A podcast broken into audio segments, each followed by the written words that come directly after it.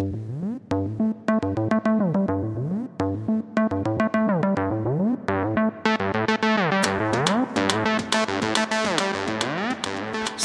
sveiki, sveiki, mano brangieji klausytojai ir klausytojos. Čia yra Julius ir jisai sėdi Tilviko lizde, o Tilviko lizdas tai yra podkastas arba tinklalaidė, kaip lietuviškai būtų pasakyta, apie psichologiją, gyvenimą ir dalykus. Ir jūs žinote, kad aš mėgstu sakyti žodį dalykus ir aš jį toliau ir sakysiu, nepaisant tų pastabų, kurias aš kartais gaunu. Ir aš noriu Jūs pirmiausia tai pasveikinti su atėjusiu rudeniu ir aš tikiuosi ir linkiu, kad jisai būtų gražus. Na, noriu palinkėti gerų mokslo metų Jūsų vaikam, jeigu Jūs juos turite.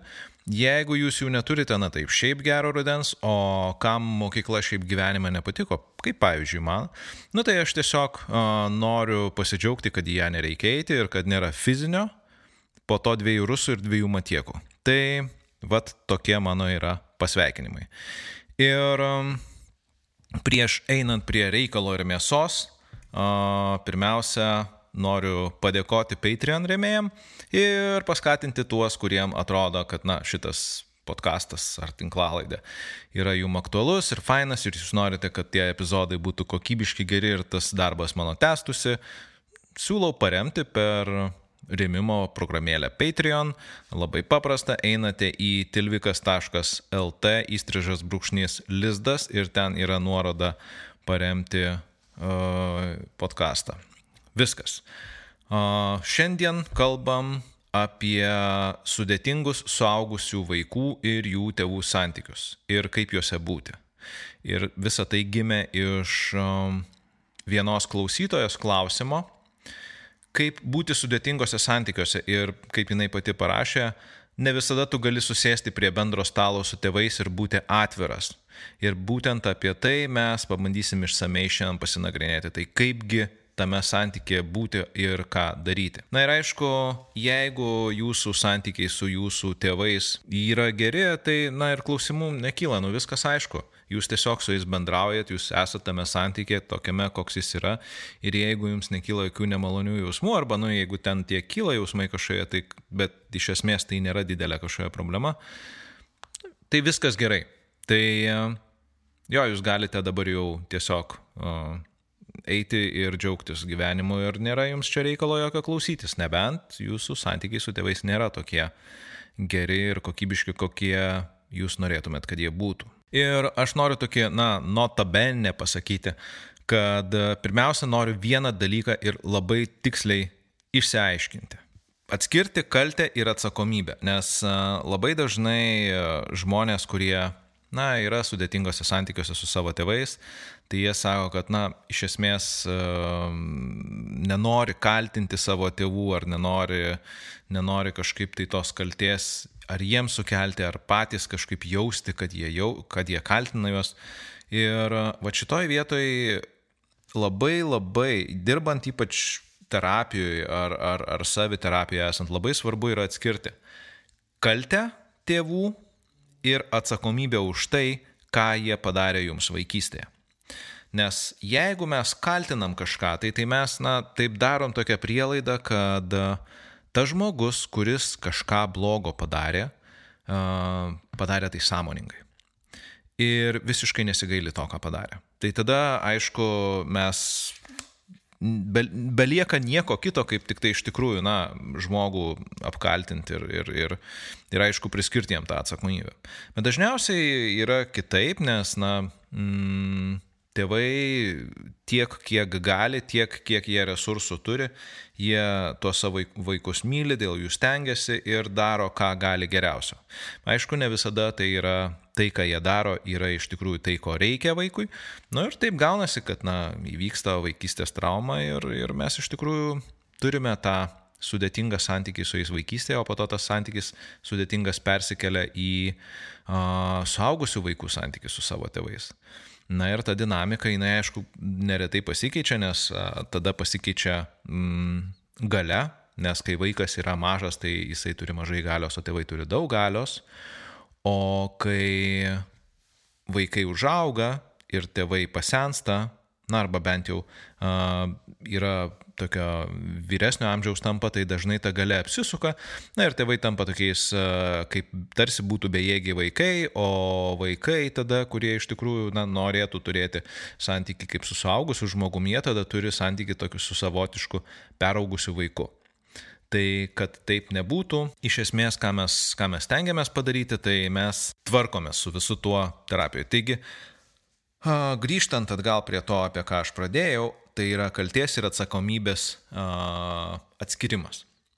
Ir jeigu mes atskiriame kaltę nuo atsakomybės, tai reiškia, kad na, mes suprantam, kad mūsų tėvai jeigu jie mus ten traumavo ar kažko tai nepadarė, jie yra atsakingi už tai, bet mes jų nekaltinam ir mes kaltę nuimam tarsi šalin, tai iš esmės daugumą atveju tai labai labai palengvina ir patį psichologinį darbą, ir supratimą apie tai, kas tame santykė vyksta, kaip tame santykė viskas darosi. Tada, na, tiesiog lengviau, lengviau ir tą patį santykį kurti, arba, arba jame būti, arba tiesiog su juo dirbti.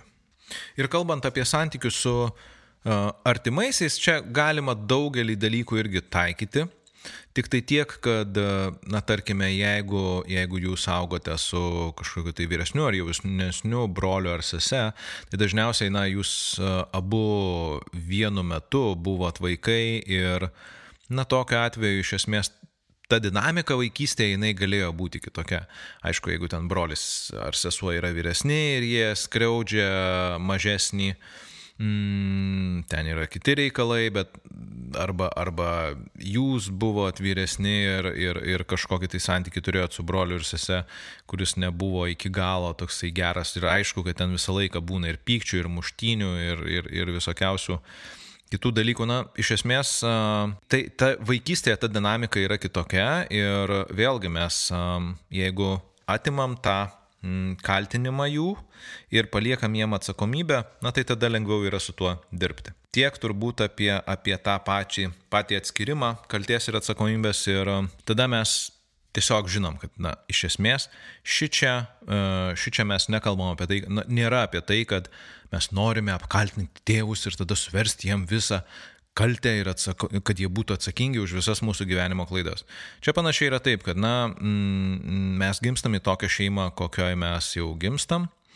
Ir tada, na, tenka mums gyvenimas toks, koks tenka. Tai tarsi kaip kortų žaidime. Na, mums, mes gaunam kortas, jos yra mums padalintos ir jau po to, kai mes suaugom, tai yra mūsų reikalas, kaip mes tomis kortomis žaidžiam. Ir, ir aišku, gyvenimas pametėja įvairių kortų ir kaip mes tvarkome su tuo, jau patys čia yra mūsų atsakomybė. Tai panašiai aš manau, kad mm, galima žiūrėti ir į e, santykio su e, vaikystėje reikšmingai žmonėm kūrimą jau kai mes esame suaugę. Na ir pradėkim galbūt nuo, nuo tokio pirmo klausimo. Jeigu kaip yra, kad, nu, tarkim, aš nenoriu bendrauti su savo tėvais, bet man reikia. Reikia, tai aš taip užsirašiau savo kabutėse, nes iš tikrųjų mums nieko, na taip, jūs žinot, kad aš jau taip dažnai sakau, kad mums nieko nereikia ir mes nieko neprivalom. Bet kaip elgtis štai tokioje situacijoje? Pasikartosiu, jūs niekam nieko neprivalot ever. Išskyrus, jeigu jūs turite savo vaikų, kuriuos jūs patys pasidarėt. Ir tada jau yra visiškai kitas dalykas, nes tada tie vaikai atsirado būtent iš jūsų veiksmų ir, ir tai yra jūsų na, gyvenimo ir elgsenos pasiekmė ir tada čia jau yra, m, mm, ką jūs privalote, tai yra vienintelį dalyką, tai yra pasirūpinti savo vaikais kiek įmanoma geriau. Viskas.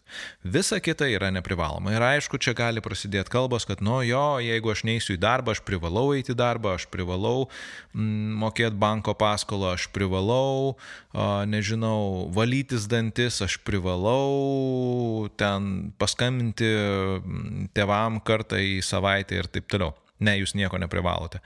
Tai yra jūsų pasirinkimai ir dažniausiai tie pasirinkimai mes turime pasiekmes savo visų pasirinkimų. Tos pasiekmes tai yra, jeigu, mm, tarkim, aš neinu į darbą, tai tiesiog mane iš jo išmeta. Tai todėl aš, mes taip dažnai perfrazuojam, man reikia, bet iš tikrųjų, na tai aš renkuosi eiti į darbą, kad, kad manęs iš jo neišmestų. Aš renkuosi mokėti banko paskolą, nes kitu atveju, nu jo, manęs pradės ieškoti ant stoliai ir iškeldins iš būto. Ir aš renkuosi skambinti kas savaitę mam, mamai ar tėčiui, Todėl, kad po to jie nepradėtų erzintis ir manęs ieškoti ir man skambinti po 20 kartų ir rašyti po 30 žinučių. Tai vad, iš esmės, jeigu mes atmetam tą tokią nuostatą, kad jums reikia kažką daryti, na tai tada lieka pasirinkimai jūsų. Tai dabar pakalbam apie tuos pasirinkimus, kodėlgi mes visgi galime rinktis o, ir, ir kodėl mums gali jaustis, kad mums reikia. E, vienas toks, man atrodo, dažnas momentas yra tai, kad, na, neretai žmonės, ypač kurie, na, turi sudėtingus santykius su tėvais, jie jaučiasi, kad jiem reikia ten kažką daryti dėl to, kad jeigu jie nepradės elgtis taip, kaip uh, jie patys, kad norėtų, tai jų tėvai pradės, uh, na, arba pykti, arba liūdėti, arba ten kažkaip tai kitaip išveikinėti tai tuos jausmus, kurie jiem kyla. Ir aišku, faktas, kad tas disfunkcinis santykis yra išaugęs jau iš vaikystės ir na, tėvai negalėjo adekvačiai reaguoti į vaiko poreikius turbūt ir tada na, tas persikelia ta din, visa dinamika, kaip aš sakiau, ir į suaugusių žmonių santykį. Gali būti baisu, galima bijoti pasmerkimo, galima galbūt prarasti naudą iš to santykio, Ir na, tai yra realiai kaina, kurią jūs mokate už savo pasirinkimą. Ir mm, kaip ir bet kuriam kitam pasirinkime, kaip ir tas pats yra, kas ir ėjimas į darbą. Taigi, iš esmės, jeigu mes priimam, kad tai yra mūsų pasirinkimas, tai tada tas reikia pasidaro nebe toks sunkus. Nes jeigu aš uh, renkuosi, uh, ten tarkime, nežinau, mm, važiuoti kasti bulvių, pas savo tėvus, nes kitaip jie nemokės už mano studijas. Tai e, toks mano pasirinkimas. Čia yra, tai, tai tada ne, mes atmetam tada tą reikia ir tai tampa tokiu normaliu, aš renkuosi ir na tada tiesiog su tuo yra lengviau būti. Kitas klausimas yra, kad gali būti, kad na dažniausiai tai mes kalbam apie tai, kad mes nenorime tvarkytis su kitų žmonių nemaloniais jausmais ten jo tėvai pradės liūdėti, pradės pykti ir visą kitą. Ir na, realiai, kada mes nesielgiam taip, kaip nori kiti žmonės, tai kyla konfliktas.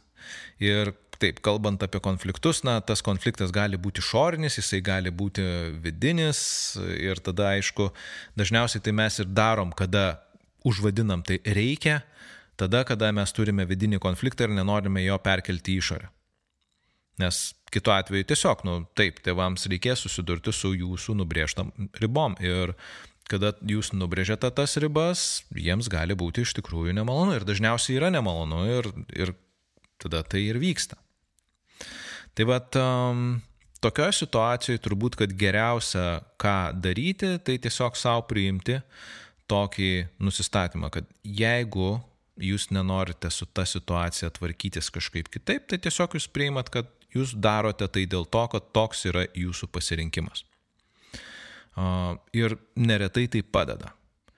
Aišku, ne visada mes džiaugiamės savo tais pasirinkimais ir ne visada juos labai lengva priimti kartais iš tikrųjų tai vis tiek, net jeigu mes ir, ir renkamės, vis viena po to, ai, nu tai, nu, bet vis tiek, bet tai, nu tai lievai čia yra, yra kitų dalykų, aš vietoj to, kad galėčiau, vietoj to, kad e, važiuočiau bulvių kasti, aš galėčiau važiuoti kur nors žvejoti ten, o būtų faina. Nu, taip yra toks pasirinkimas, viskas. Gyvenimas nėra rožiam klotas ir tai nėra vien tik tai uh, kažkokio tai laimingumo vaikymasis, tai kartais mes tiesiog turime padaryti kompromisų. Ir čia yra kompromisas, kurį jūs darote tam, kad išvengtumėte konflikto. Vidinio arba išorinio. Viskas, taškas. Kai tik tai tą suprantate, tada jums pasidaro žymiai lengviau ir tada, na, tarsi galima pradėti kaip ant kokių svarstyklių tas pačias bulves, kurias prikasėm, uh, sverti. Tai kas man yra naudingiau vis dėlto. Ar e, turėti mm, ne tokį kokybišką ir ne tokį gerą santykį su tėvais. Aš čia vėlgi tą kokybišką ir gerą aš įvadinu kabutėse, nes realiai tokiuose situacijose tas santykis nėra geras, nes nukenčia arba viena arba kita pusė. Ir dažniausiai ta pusė, kuri nukenčia, tai yra vaikai, kurie mano, kad jie privalo kažką tai savo tėvams ir kad jiems reikia kažką daryti. Tai šitoje vietoje aš manau, kad svarbu suprasti, kad tai yra pasirinkimas, gal jis nėra malonus, bet tai yra jūsų pasirinkimas. Einam prie e, kito klausimo, kuris labai neretai iškyla, ypač žmonių, kurie, na, su kuriais mes šiaip kalbam apie santykius su, su tėvais ir, ir, ir, ir e, kurie būna terapijoje, tai vienas iš tokių būna pasakymų. Žinai, manęs tai niekas netraumavo, bet mano santykiai su tėvais, na, yra sudėtingi. Tai Kaip čia taip gali būti?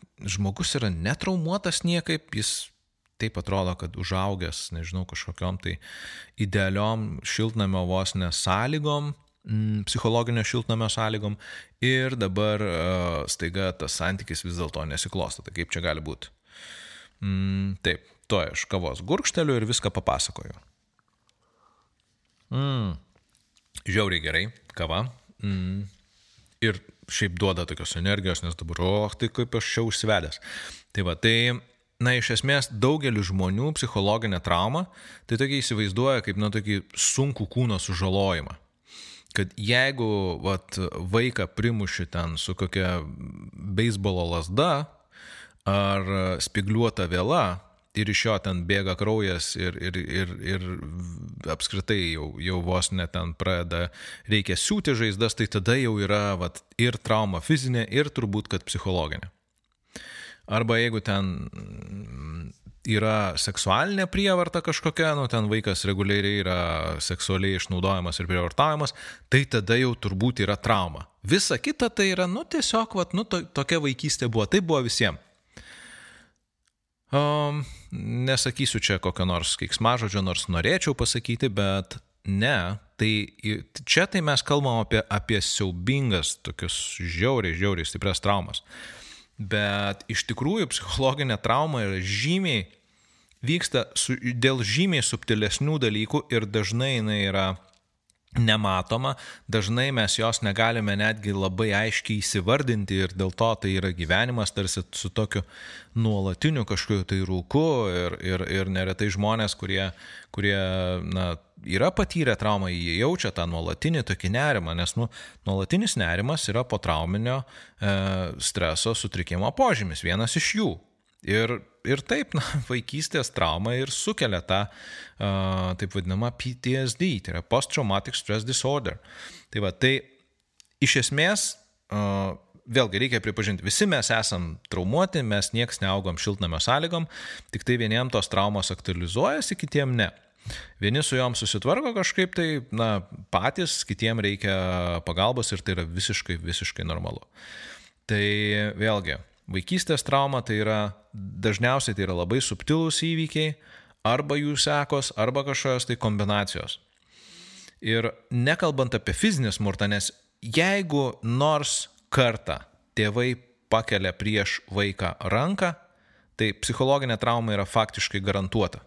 Lygis jos klausimas yra koksai, bet dažniausiai, aišku, mes suaugę tai normalizuojam, bet e, iš esmės tai jau yra garantuotas dalykas. Ir e, nes vaikas, dabar supraskim kodėl, nes e, vaikas iš esmės žiūri į tėvus ir mato juos kaip besąlygiškos meilės šaltinį. Ir staiga tas besąlygiškos meilės šaltinis ima ir tave sužaloja fiziškai, skaudina. Žinoma, vaiko psichikoje tai ten įvyksta toks trūkis ir lūžis. Mm, sunku yra įsivaizduoti. Šiaip tėvų pyktis į vaiką orientuotas jau, jau jisai veikia, nes e, vėlgi mūsų, mm, mūsų psichikoje uh, skausmo centras tiek psichologinio, tiek fizinio yra tas pats. Nu, smegenyse, ne psichikoje. Uh, tai uh, jo, faktiškai ar, ar, ar labai ten vėlgi ar, ar stipriai skaudinti psichologiškai, ar, ar fiziškai muština, tai yra, tai yra artima, bet iš esmės fizinis smurtas dar pasižymi ir tuo, kad na, vaikas realizuoja, kad jo, kad, kad jo supranta, kad jo tėvai prieš jį panaudojo jėgą, panaudojo fizinę jėgą. Tai yra jį specialiai uh, sužalojo, įskaudino kažkaip, tai vat, nu, kūną jo sužeidė. Ir tai yra, tai traumuoja. Faktas. Uh, ar visada tai palieka pėtsaką? Nu, kaip sakiau, mes su tom traumom gyvenam ir, ir, ir su jomis kažkaip tai tvarkomės vienaip ar kitaip. Tai va, tai vėlgi, uh, fizinis smurtas yra labai dažnai minimizuojamas, oi mane mušė, bet tik vieną kartą. Bet aš nusipelniau. Fucking niekas nenusipelno, nei vienas žmogus nenusipelno, ypač vaikas, kad prieš jį būtų keliama ranka. Niek, nei vienas. Nesvarbu, kas ten vyksta. Ir dažniausiai visos problemos vykstančios su vaikais yra jų tėvų problemos išreikštos per vaikus. Taip yra. Vėlgi, čia nėra kaltinimas, aš primenu, tai yra tiesiog, kad na, mes, mes patys esame atėję su savo traumom ir su savo neišspręstais demonais visokiais ir automatiškai perkeliam tai į uh, santykį su vaikais, patys to nenorėdami. Ir dėje, bet taip veikia pasaulis, nėra jis idealus, nu taip yra. Tai va, toliau, aišku, apie psichologinį smurtą, tai čia dar galima visa atskira didžiulė tema, kurią galima būtų nagrinėti, bet, na, iš esmės, iš esmės e, dažn, ypač psichologinis smurtas, um, ypač, tarkime, vaikų, kurie turi narcistinius tėvus ir tas narcisizmas dažnai būna labai subtiliai išreikštas, uh, Ir e, narcistiniai tėvai tada panaudoja vaiką savo narcisizmui pastiprinti, bet iš esmės vaikas tai, na, jis nesupranta iš, iš, iš, iš tikrųjų, kas vyksta. Ir na, tada jis bet kokiais ten, nežinau, būdais jisai bando tarsi atitikti tą, tą tėvų poreikį ir aišku, taip jau yra su narcistiniam asmenybėm, kad uh, neįmanoma yra užpildyti tos narcistinės tuštumos, kuri yra toj narcistinėje asmenybėje ir, na, vaikas, ypač vaikas, negali to padaryti. Na ir aišku, tada įsivaizduokim, kad vaikas visom gal, galimybėms tengiasi užpildyti tą narcistinę tėvų tuštumą ir um, neišeina jam. Nu ir jisai nuolat jaučia tą tokį, na, nepilnavertiškumą, tą tokį neatitikimą, neadekvatumą, nu, įsivaizduokit, koks tai yra psichologinis krūvis vaiko besiformuojančiai psichikai. Dar tada yra atskira traumavimo tema, tai yra apleistumas. Nes nekalbam apie, apie fizinį apleistumą, kada na, vaikai ten neturi ką valgyti ir ar ten kokių, nežinau, um, negali gauti tinkamos sveikatos priežiūros. Čia yra ekstremalūs tokie atvejai, kurie šiaip nu, vis rečiau ir rečiau pasitaiko, bet kalbant apie emocinį apleistumą, tai, o, oh, čia yra irgi, na, tiesiog nežinau, tas emocinis apleistumas ypač didėja, kada, na, yra va tokia dabar nauja banga tėvų, kurie, tarkime, emigravo ir paliko savo vaikus, tarkime, vienoje šalyje, o jie yra kitoje šalyje. Tai na, vaikas, aišku, faktas, kad jaučiasi emociškai apleistas, arba, na, tarkim, jo tėvai daro karjerą ir jie bet kokiais būdais bando na, prasisiekti ir, ir, ir pasiekti tą, pakelti tą gyvenimo kokybę. Ir um, automatiškai jo ten bando tarsi kompensuoti tą savo nebuvimą kažkokiais tai daiktais ir čia mes dažnai susidurėm su emociniu pleistumu. Ir vėlgi, čia mm, tiem, kurie yra tėvai ir turi vaikų ir, tarkim, atpažįsta tokius, tokius um, savo elgsenos modelius, kurie, kuriuos jie taiko uh, auklėjant savo vaikus, tai jums nėra kaltinimas joksai. Supraskite, kad jūs augote turbūt dar baisesnėse sąlygose ir jūs darote dėl savo vaikų maksimumą, ką galite. Tai čia vėlgi Galite manęs nekesti, jeigu jums tai tinka, bet e, jokių būdų neke, ne, nekeskite savęs. Mm, ar kaip čia teisingai pasakyti? Nu, žodžiu, jūs save mylėkit, jūs eikit geriau kažką tai darykit su tuo, kad, na, jūs mažiau būtumėt tokie ir kad jums tai nekeltų tiek problemų ir jūsų vaikam automatiškai ir e, tiesiog priimkite, kad, nu, taip, taip yra ir tada galima galbūt su tuo daryti kažką jau, kada mes realizuojam, kad, aha, nu vis dėlto aš savo santykiuose su, su vaikais, nu, buvau, buvau jos emociškai apleidęs ir dabar suprantu, kad, na, kokias, kokią žalą jiem tai padarė. Ir, na, dabar bekalbant, man kažkaip kilo tema, kad, na, o galbūt vis, visgi vertės pakalbėti kažkada apie uh, suaugusių vaikų ir jų tėvų santykiai iš tėvų perspektyvos. Tai vad kaip jiem būti, kada jie supranta, kad, nu, jie sužalojo savo vaikus psichologiškai. Arba, na, nežalojo specialiai, bet, na, ten, tarkim, vaikai gyveno emociškai apleisti. Tai žodžiu, grįžtant atgal m, prie to paradinio klausimo, kad manęs niekas netraumavo, bet mano santykiai su tėvais nesiklosto, tai greičiausiai, kad visgi yra kažkas, tai yra kažkokia psichologinė trauma, yra kažkoks kompleksas, kuris trukdo tiems santykiam būti kokybiškim. Ir e, čia yra svarbu pabrėžti tai, kad e, santykyje su tėvais ne visada žmogus, kuris, kuris ateina į tą santykį, tik tai gali jį kurti. Na, santykiuose yra dvi pusės. Ir iš savo pusės mes galime padaryti, ką tik norim, bet jeigu ta kita pusė nebendradarbiauja ir, ir, ir, ir nekuria to santykio, tai nu, mes galim, nežinau, barankom raidytis ir, ir, ir vis tiek nieko neįvyks. Tai va, tai visgi, jeigu jūs sakot, kad na, psichologinių traumų jūs neturėjote, tai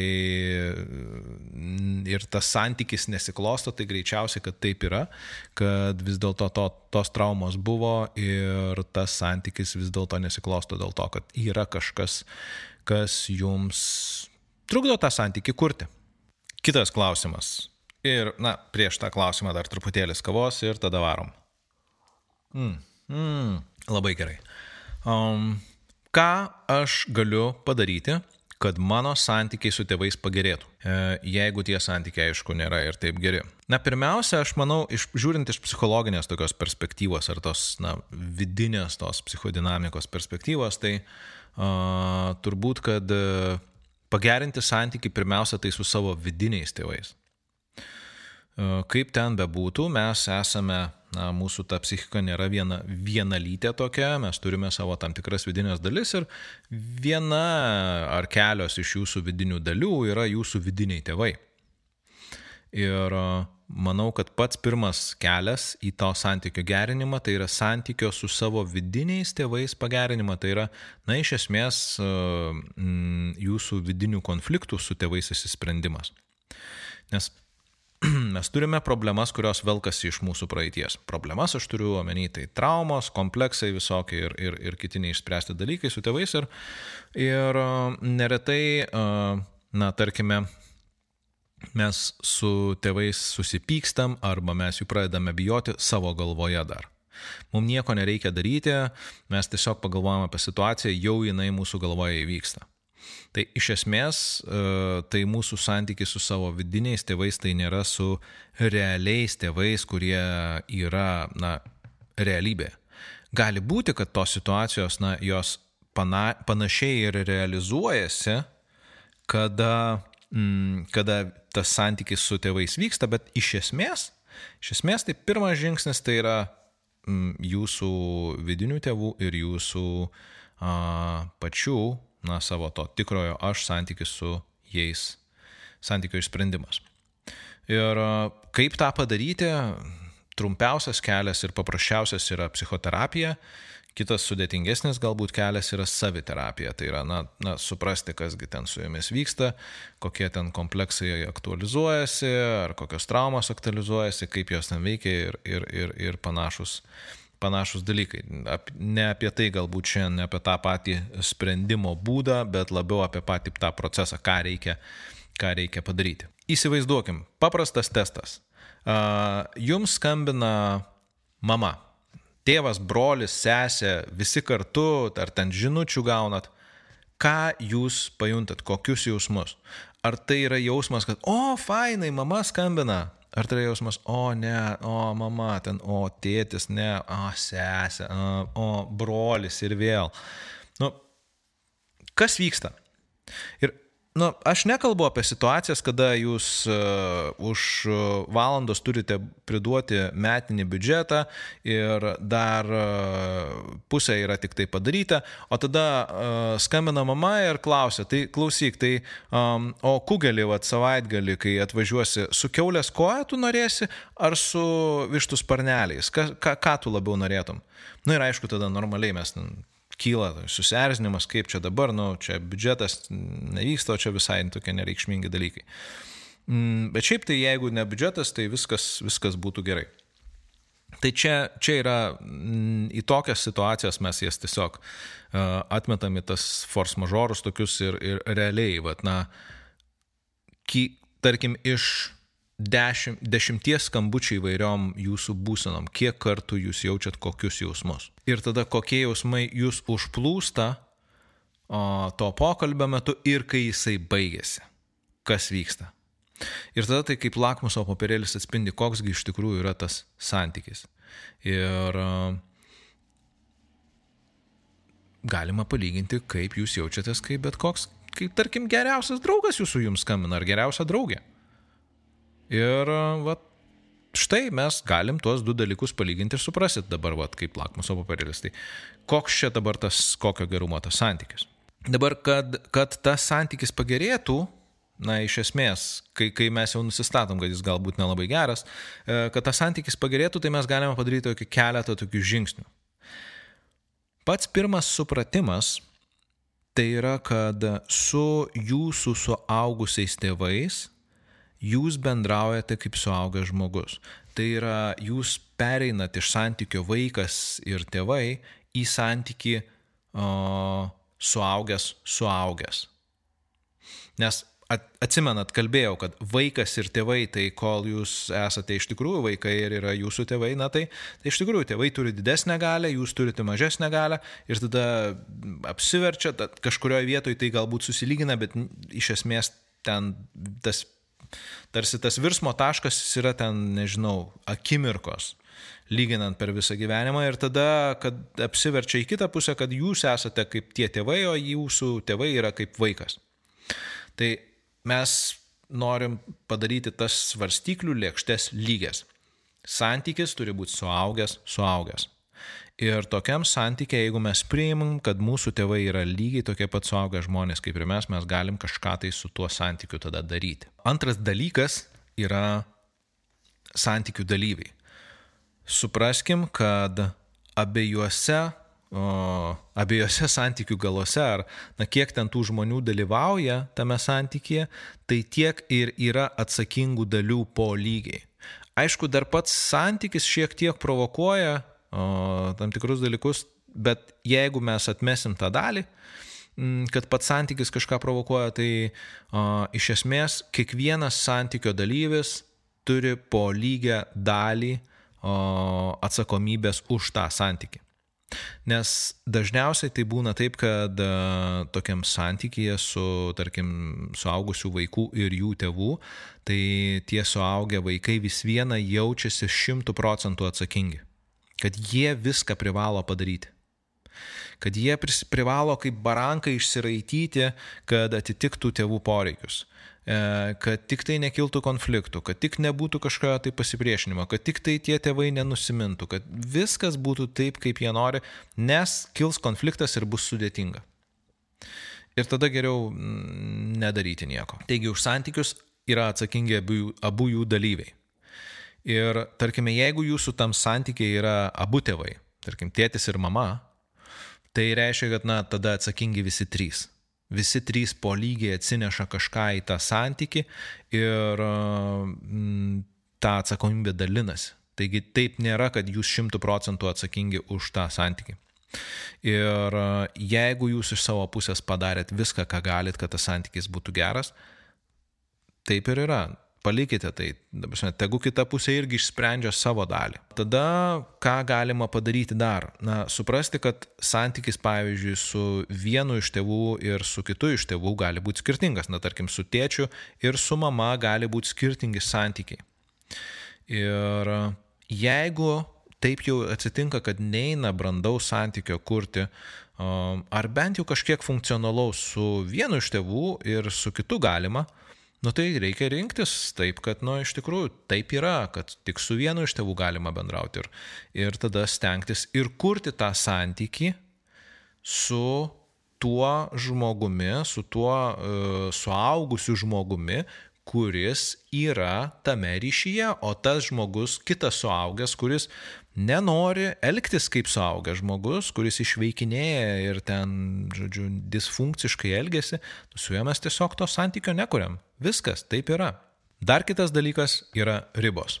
Tai yra jų reikia, jas reikia nusistatyti ir jų laikytis. Na, idealiu atveju tai tiesiog susitarti, kokios tos ribos yra, kada tėvai gali skambinti ar atvažiuoti, ar ten, nežinau, kaip reaguosite, jeigu, tie, jeigu jūsų tėvai jums skambina, rašo ir ten per kiek laiko jūs respondinat, nu, žodžiu, ir kas vyksta. Ir nebūtinai viskas turi būti idealiai apšnekėta, bet tiesiog mes kartais tas ribas nusistatome mm, tiesiog santykio kūrimo eigoje. Jo, idealu būtų susitarti, na, gal kažkiek mažiau idealu, tai tiesiog susitarti su, sav, su savimi, tai vien tik su savimi ir nusibriežti tas ribas ir jų laikytis savo. Nes labai neretais atvejais būna taip, kad na, tėvai yra linkę peržengti jūsų ribas. Ir jie tą daro vėl ir vėl. Ir jūs nubrėžite ribą ir tarsi tos ribos nebūtų ir ten tėvai pereina ją ir, ir žiūrėkit, štai jau jie yra gerokai gerokai už tos ribos, kur jūs nusistatėte ir, na, jums yra visiškai nebemalonu tame santykėje būti. Ką tada darom? Tada mes pasistengiam gražinti tėvus atgal, kurie yra ir pasakyti, e, žiūrėk, čia yra mano riba. Kas tai fiziškai, kaip tai fiziškai atrodo? Na, tarkime, jeigu, jeigu nežinau, nu, kažkas iš tėvų ten ima ir skambinėja vidury nakties, on and off, ten o ten aš ten nežinau, kokius čia man vaistus gerti, arba o tai kaip tu laikaisi. Ar ten tavo Petriukas, ar, ar, ar jam kaip jam sekėsi mokykloje ten. Ir tarkim, jūs jau turite ruoštis mėgoti ir ten visą kitą, ir ten pasipila tokia. Nu tai Nors jūs jau kalbėjote dešimtą kartą, kad na, jie nesis, neskambintų jums vakarą. Nu tai ką, nu tai paprasta tiesiog e, įdedat į tą kontaktą į blacklistą laikinai iki kitos dienos ir tiesiog perskambinat, jeigu ten, tarkim, neina kitaip, tiesiog ramiai padėti to telefono ir žiūrėti, kaip ten skamba ir, ir tiesiog nekelti. Ir vėlgi ribų laikymasis tai nėra O lengvas dalykas, čia Julius pasakė, nu, nusibrėžkit ribą ir jos laikykitės. Ir, o, nusibrėžiau ribą, ho, ho, ten man, man čia 30 žinučių, o, kaip man lengva čia. Ne, nėra tas lengva. Ribas nusibrėžti dažnai yra labai sunku, dėl to mes apie jas ir kalbam. Bet jeigu aš matau 30 žinučių, man kyla nerimas, bet aš žinau, kad ne, nesvarbu, ar aš atsiliepsiu, ar aš atrašysiu, kad aš dabar ten negaliu kalbėti, aš vis tiek gausiu už pusvalandžio dar 30 žinučių. Nu tai tiesiog, taip yra, aš tą ribą nusibrėžiau ir dažnai būna dar klausimas, o jeigu kažkas atsitiks tuo metu? Gerai, tai kiek kartų buvo, kad jūs gavote 30 žinučių ir nieko neatsitiko? Mm. Nu, turbūt, kad kokį šimtą iš šimto. Ok. Nu tai greičiausiai yra tikimybė, kad nieko neatsitiks. Ir dažniausiai, jeigu kažkas atsitinka, tai žmonės, žmonės taip mano, kad o kas bus, jeigu ten vat, kažkas atsitiks. Tai vėlgi, dažniausiai tai mes esam kažkur tai toli, kur nieko realiai padaryti negalime ir vienintelis dalykas, kuris, kuris mums atrodo, kad galima padaryti, iš tikrųjų kažką tai tiesiog panerimauti daugiau. Priimti tai, kad, na, jūsų ribos yra tokios, kad greičiausiai ten, jeigu jau ten labai baisu, kad kažkas tai gali nutikti blogo, tai jeigu jau taip pasidarys, tai, mm, nu ką, nu, tai tada mm, tėvai patys tvarkysi su tom pasiekmėm ir laikytis tų ribų. Bet dažniausiai tiek nereikia, čia aš kalbu apie tokius labai ekstremalius atvejus, bet dažniausiai, nu ne dažniausiai, neretais atvejais būna, kad a, mes bijom nusibriežti ribas ir jų laikytis, nes žinom, kokios gali būti pasiekmes. Ir kada mes jas nusibrėžiam, taip ilgainiui priprantama yra prie to, kad, na, yra tam tikros ribos. Viskas. Neskambinti po dešimtos. Ok. Taip, dabar uh, kitas dalykas yra tiesiog uh, priimti, kad uh, jeigu jūs jau keičiate jūsų santykių su tėvais, tai bus naujo santykio kūrimas. Tas santykis kitoks bus negu buvo iki šiol. Ir tai reiškia, kad iš esmės jūs turėsite pritaikyti naujus bendravimo įgūdžius būtent šitam, šitam ryšiui. E, galbūt jūs pritaikysit tokius bendravimo įgūdžius, kuriuos jūs su savo tėvais, kuriuos jūs taikote su draugais. Ir jums ir jūsų tėvams tas pereinamasis procesas, jisai atrodys keistas. Jisai gali kelti nemalonių jausmų, bet na, tai yra normalu. Kai mes mokomės naujų įgūdžių, ne visada mes, ką čia reiškia ne visada, dažniausiai mes jaučiam vienokių ar kitokių nemalonių jausmų. Mums ten kažkas nepasiseka, nepavyksta, kažkoks tai vyksta ten konfliktėlis, ar nesusipratimas kažkoks, ar ten kažkas nusimena, ar supyksta. Tai būna. Tai jeigu jūs kuriate tą santykį, tai jūs leiskite ir jums patiems, ir jūsų tevams jame aukti ir į nesėkmes reaguokite kaip į tokias, na, mokymosi klaidas. Palikite erdvės ir savo, ir savo tevams mokytis būti tame santykėje naujai, nes labai dažnai žmonės sako, o, tai aš jau čia, žodžiu, nusibrėžiau tas ribas ir jų laikiausi ir taip stengiausi labai sąmoningai būti, bet, nu, man nepasisekė, nes, nes aš ten vis tiek ar atsiliepiau tą telefoną, arba ten mama ar tėtis ten supyko ir ten ta ta ta. Tada kyla klausimas natūralus, tai gerai, o tai kiek kartų tai buvo? Nu, tai viena tik tai. Tai nieko nuostabaus, kad, nu, jeigu, jeigu mama buvo ar tėtis buvo įpratę skambinti mm, 15 kartų į dieną ir 15 kartų iš 15 jūs atsiliepdavot, o dabar skambina 15 kartų į dieną ir jūs atsiliepiat vieną kartą, normalu, kad jūsų tevam kyla jausmai kažkokie, gal pyktis, gal nerimas, gal ten dar kažkokie tai. Ir tai yra to mokymosi proceso dalis, to naujo įgūdžio formavimo. Po poros mėnesių turbūt viskas bus normaliai ir jūsų tėvai sakys, o, nu tai kaip fainai vis dėlto, kad va, tu tai pasakėjai, kad aš tau tiek neskambinčiau ir dabar ir man ramiau žinok ir viskas man yra gerai. Ir taip tikrai neretai būna. Na ir galiausia taisyklė tai turbūt uh, uh, santykyje nedaryti nieko, Ypač jeigu jūs esate tam terapiniam procese ir, ir, ir, ir na, tą santykį tarsi bandote kurti tai iš naujo. Tai yra nedaryti nieko, ko jūs nenorite rinktis patys. Ir čia yra svarbu, kad tai būtų jūsų pasirinkimas, nes jeigu tai yra pasirinkimas ir yra bulvekasis ir jums reikia važiuoti kasti bulvių, o jūs norite važiuoti žvejoti, bet jūs renkatės važiuoti kasti bulvių, tai yra jūsų pasirinkimas. Bet jeigu jūs padarėt pasirinkimą, e, jeigu jūs nepadarėt pasirinkimo, jeigu nepasakėt savo, aš, aš nenoriu taip, aš, aš nesirenku taip, tai jūs galite to ir nedaryti. Tai jeigu tai yra jūsų pasirinkimas, prisėmat pasiekmes ir viskas su tuo yra ok. Jeigu tai nėra jūsų pasirinkimas ir jums tai nepatinka, jūs galite to nedaryti. Jūs turite teisę. Jūs, mielas klausytojo ir klausytoja, esate suaugę žmonės. Suaugę. Dideli, kurie turbūt jau turi savo vaikų arba planuoja jų turėti. Ne kokie mažiukai vaikai, septyniarių metų, kuriem dar tik tai reiks eiti į pirmą klasę ir, ir, ir jūs visiškai priklausomi nuo tėvų. Jūs esat suaugę žmonės, kurie greičiausiai save išlaiko ir turi savo gyvenimą ir, ir, ir gali būti, gali pasirūpinti patys savimi ir dar ir savo tėvais. Tai jūs prisiminkite tai, kad jūs esate dideli, suaugę, stiprų žmonės, kurie kuria sąmoningą santyki. Viskas. Jūs ne, ne, nedarote nieko, ko jūs nenorite, nepasirenkat sąmoningai. Taškas. Kitas klausimas.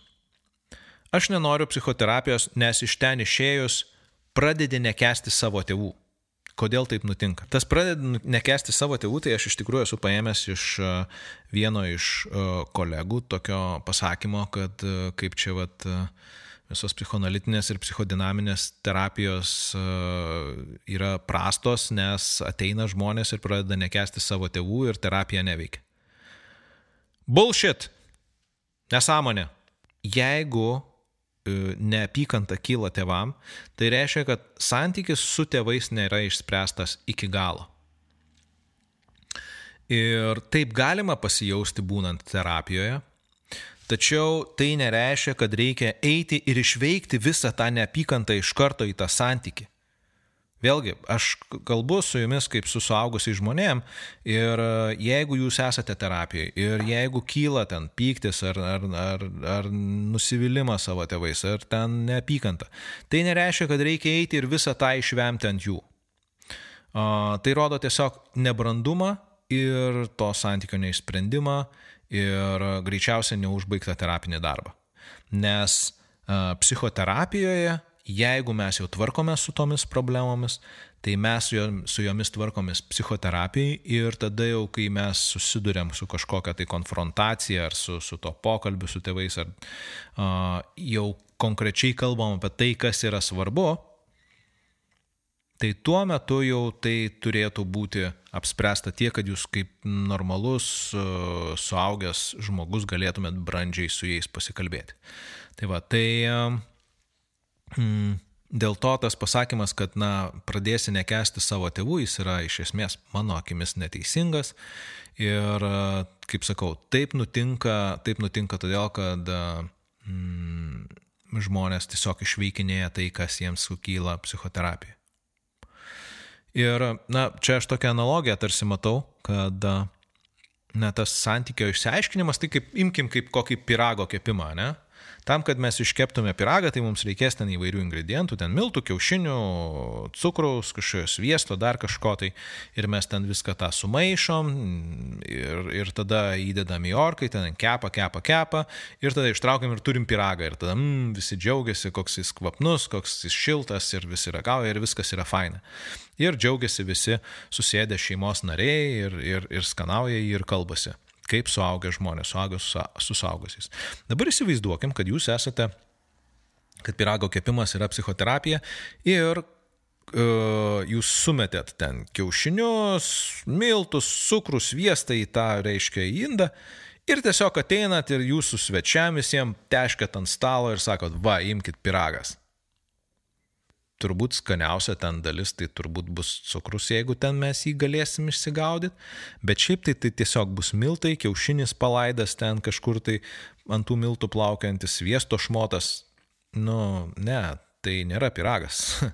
tai yra tik tai ingredientai ar, ar kažkokia, tai nežinau, dar, dar neparuošta tešla.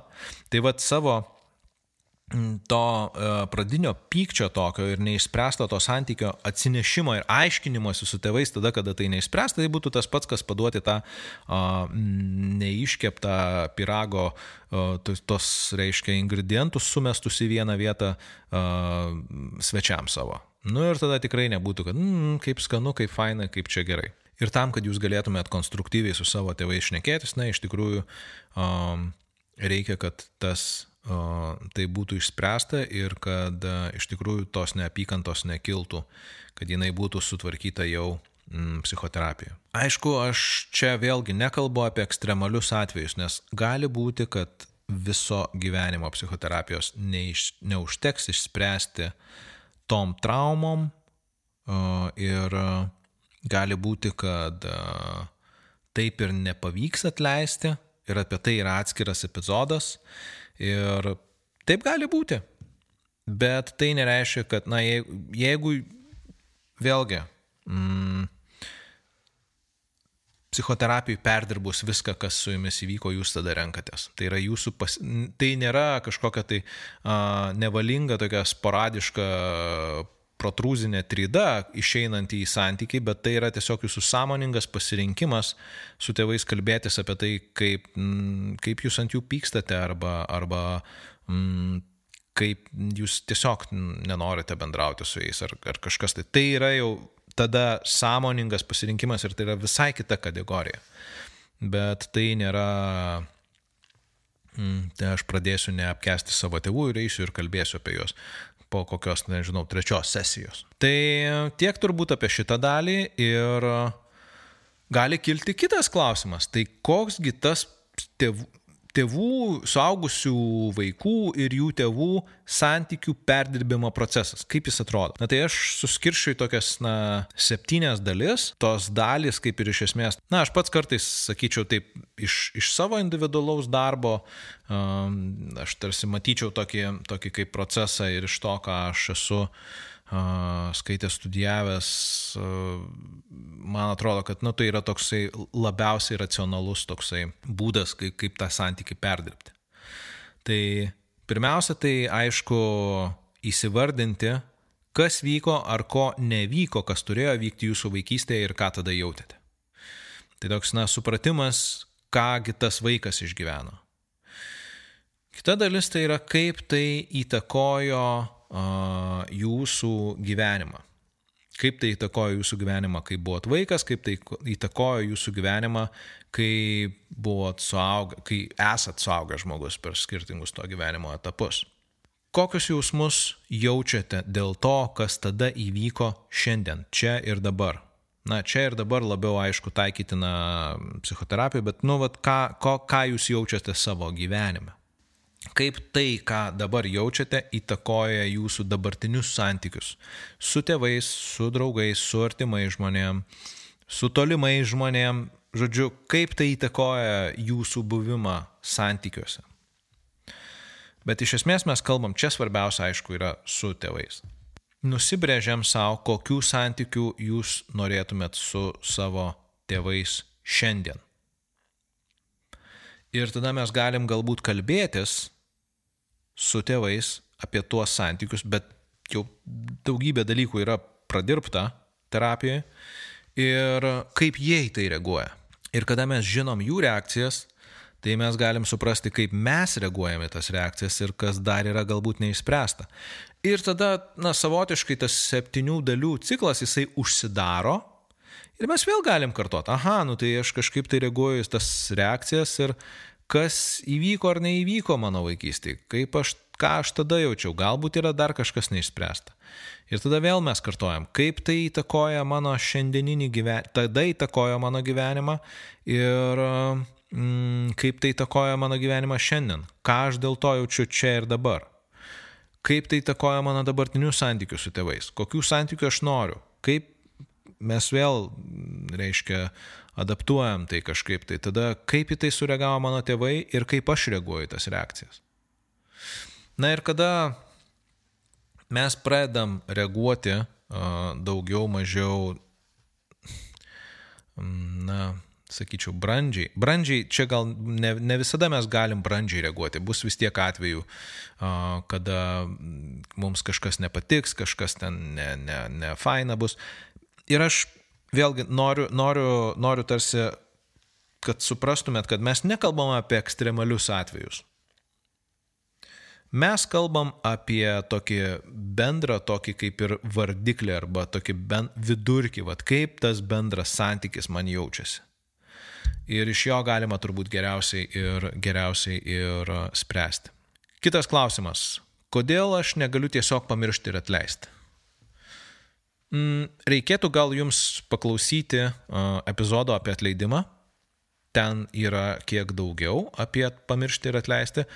Bet jeigu jau apskritai, jeigu jau dabar iki čia vat paklausėt ir galvojat, kodėl tiesiog aš negaliu pamiršti ir atleisti, tai jeigu galėtumėt pamiršti ir atleisti, jums nerūpėtų ir jūs čia nebūtumėt, neklausytumėt manęs dabar kalbant į jūsų ausis. Ir tai reiškia, kad, kad neišeina to padaryti. Ir tai, tai vyksta todėl, kad, na, iš esmės neperdirbti jausmai mumise tūno kaip tokie vaiduokliai, kaip pabaisos kažkokios neišspręstos ir jie veikia. Jie veikia mus nuolat ir veikia viską. E, mūsų santykius, mūsų darbą, mūsų polisį, mūsų emocijas, apie tai, kaip mes auginam vaikus, kaip darome sprendimus, e, mūsų, nežinau, mytybos įpročius, mūsų daugybę dalykų.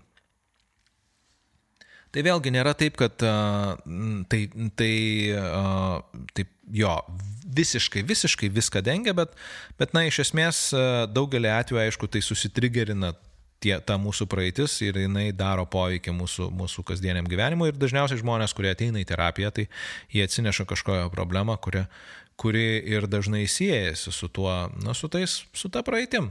Aš jau taip tą matau. Ir um, vėlgi aš čia siūlau prisiminti tą skambučio testą. Ką jaučiat, po, ką jaučiat prieš pokalbį, per jį ir po jo? Baimė, nerima, pyktį, nusivylimą, liūdėsi, tuštumos jausmą, vienatvę. Tai aš manau, kad tai yra kaip ir, jeigu tam nėra objektyvių priežasčių, tai pamiršti ir atleisti tiesiog neišeina, nes, nes ten yra kažkas, kas neperdirbta. Tai vad, galbūt tiek trumpai būtų apie tą pamiršk ir atleisk ir, kaip sakiau, yra atleidimo tema, podcastas, tai yra epizodas ir ten galima eiti klausyti ir, ir galbūt šiek tiek daugiau informacijos savo susirinkti. Kitas klausimas būtų toksai. Viską dariau, bet man nesigauna su jais bendrauti. Ir kągi aš darau ne taip. Du žmonės, trys žmonės santykiuose prisimenat, Kiekvienas iš jų atsineša po savo dalyką. Jūs galite viską daryti tobulai, bet e, jeigu kažko nepadaro tame santykyje kita pusė, tai gali būti, kad na, tas santykis tiesiog neveikia ir neina su jais bendrauti. Nes pripažinkim, kad yra žmonių, su kuriais um, brandaus ar bent jau kažkiek tai funkcionalaus santykio tiesiog neišeina kurti. Tiesiog, ne, tai negalima, tai yra, na, jo, galbūt tai yra labai giliai narcistinės asmenybės. Galbūt tai yra labai labai traumuotos asmenybės, galbūt tai yra, nežinau, ten gilus alkoholikas ar narkomanas vienas iš tėvų, mm, sergantis e, kokią na, sunkia psichikos lyga. Ir ne jūsų darbas yra tuos žmonės išgydyti, ne jūsų darbas yra tuos žmonės o,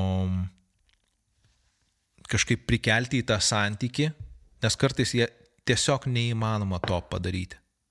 Deja, bet tai yra, tai yra labai liūdna, bet tai būna.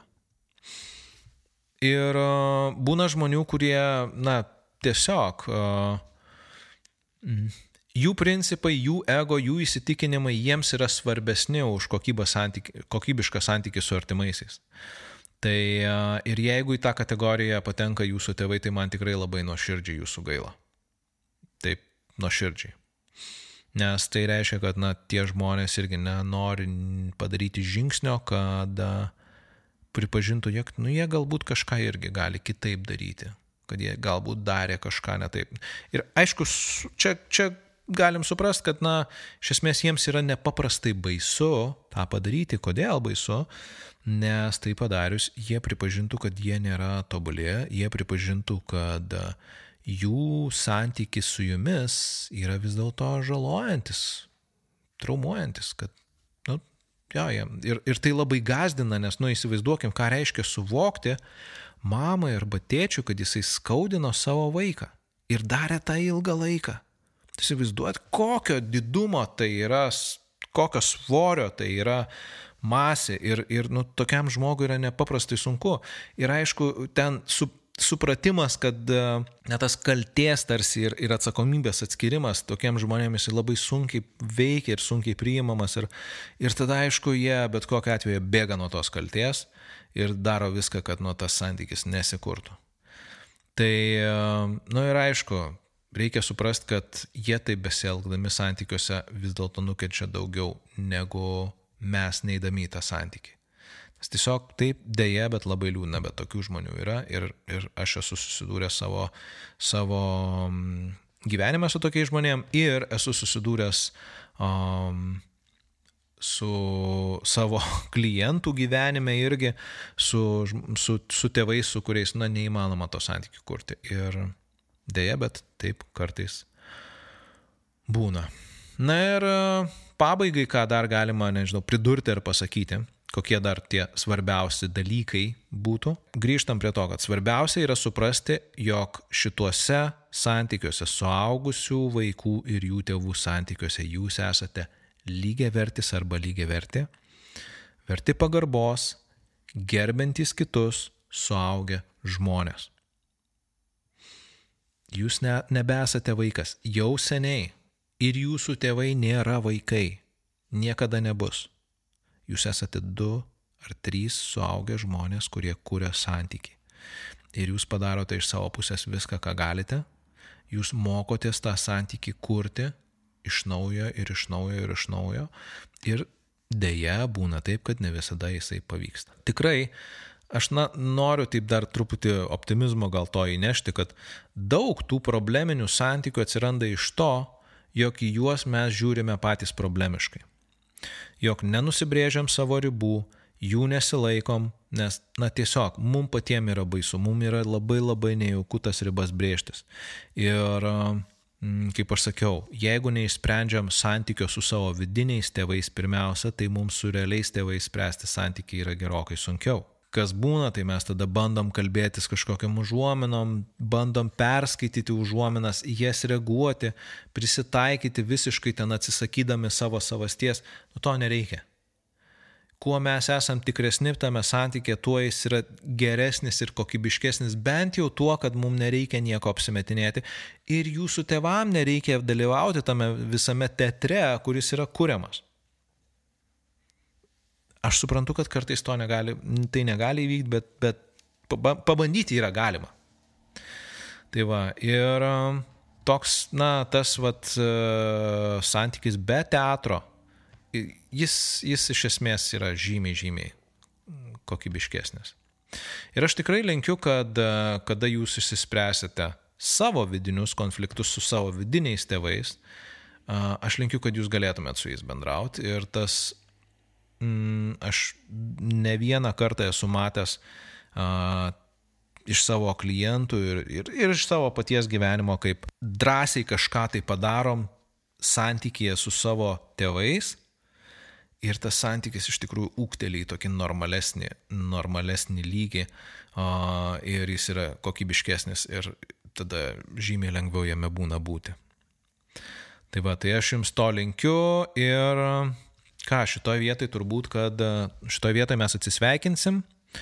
E, didžiulis dėkui e, visiems klausytojams, ypatingai special turbo, urbo, šmurbo Dėkui Patreon remėjim, jūsų dėka e, vyksta visas šitas procesas sklandžiau, geriau ir mm, ačiū Jum.